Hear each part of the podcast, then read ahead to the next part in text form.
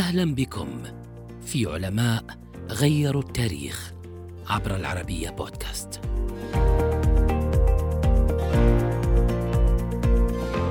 قصد الشاب الصغير مجلس شيخه حماد بن سلمة ليتلقى درسه وكان يستملي منه أحد أحاديث النبي صلى الله عليه وسلم ليس أحد من أصحابي إلا وقد أخذت عليه ليس أبا الدرداء فقال الشاب ليس أبو الدرداء بدلا من أبا الدرداء لاعتقاده بأنه اسم ليس فرفع.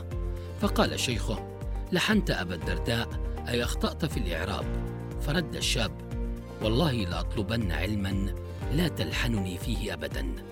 فقصد النحو وصار إمامه. هو أبو بشر عمرو بن عثمان بن قنبر الملقب بسيبويه. ولد في شيراز ببلاد فارس في منتصف القرن الثامن الميلادي. لقب باسم سيبويه ومعناها بالفارسية ذو الرائحة الطيبة أو رائحة التفاح.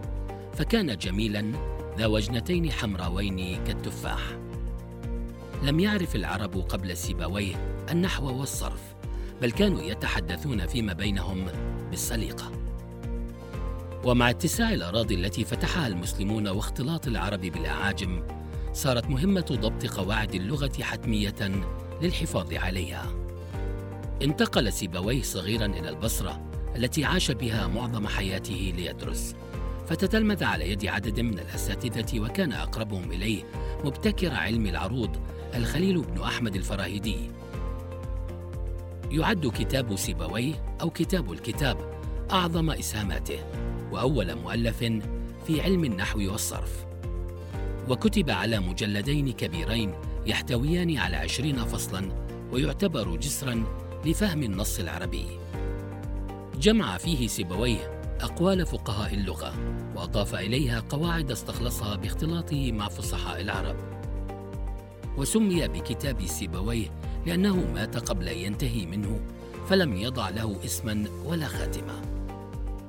وروى تلميذه أبو الحسن الأخفش الأوسط كتاب أستاذه الراحل وعمل على إخراجه للنور. كان سيبويه رائدا لمدرسة البصرة النحوية التي تسير وفق قواعد عامة في الرفع والنصب والجر والجزم بدقة وانضباط. بينما كانت مدرسة الكوفة أقل مرونة فتفضل مفهوم الرواية وتحترم كل ما جاء عن العرب وتحول الشاذ إلى قاعدة أساسية. اتجه سيبويه إلى بغداد لحضور مناظرة لغوية نحوية بينه وبين الكسائي زعيم مدرسة الكوفة. سأل الكسائي سيبويه كيف يقول؟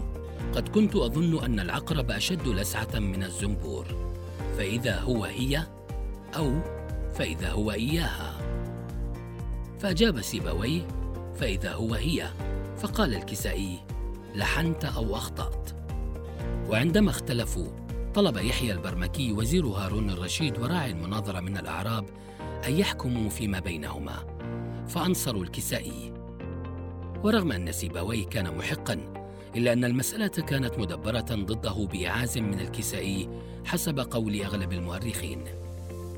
خرج سيبويه يائسا من إخفاقه في المناظرة تاركا بغداد وقاصدا مسقط رأسه. وفي عام 796 توفي الأعجمي الفارسي بعد وصوله بلاده بفترة قصيرة وهو لم يتجاوز الأربعين من العمر.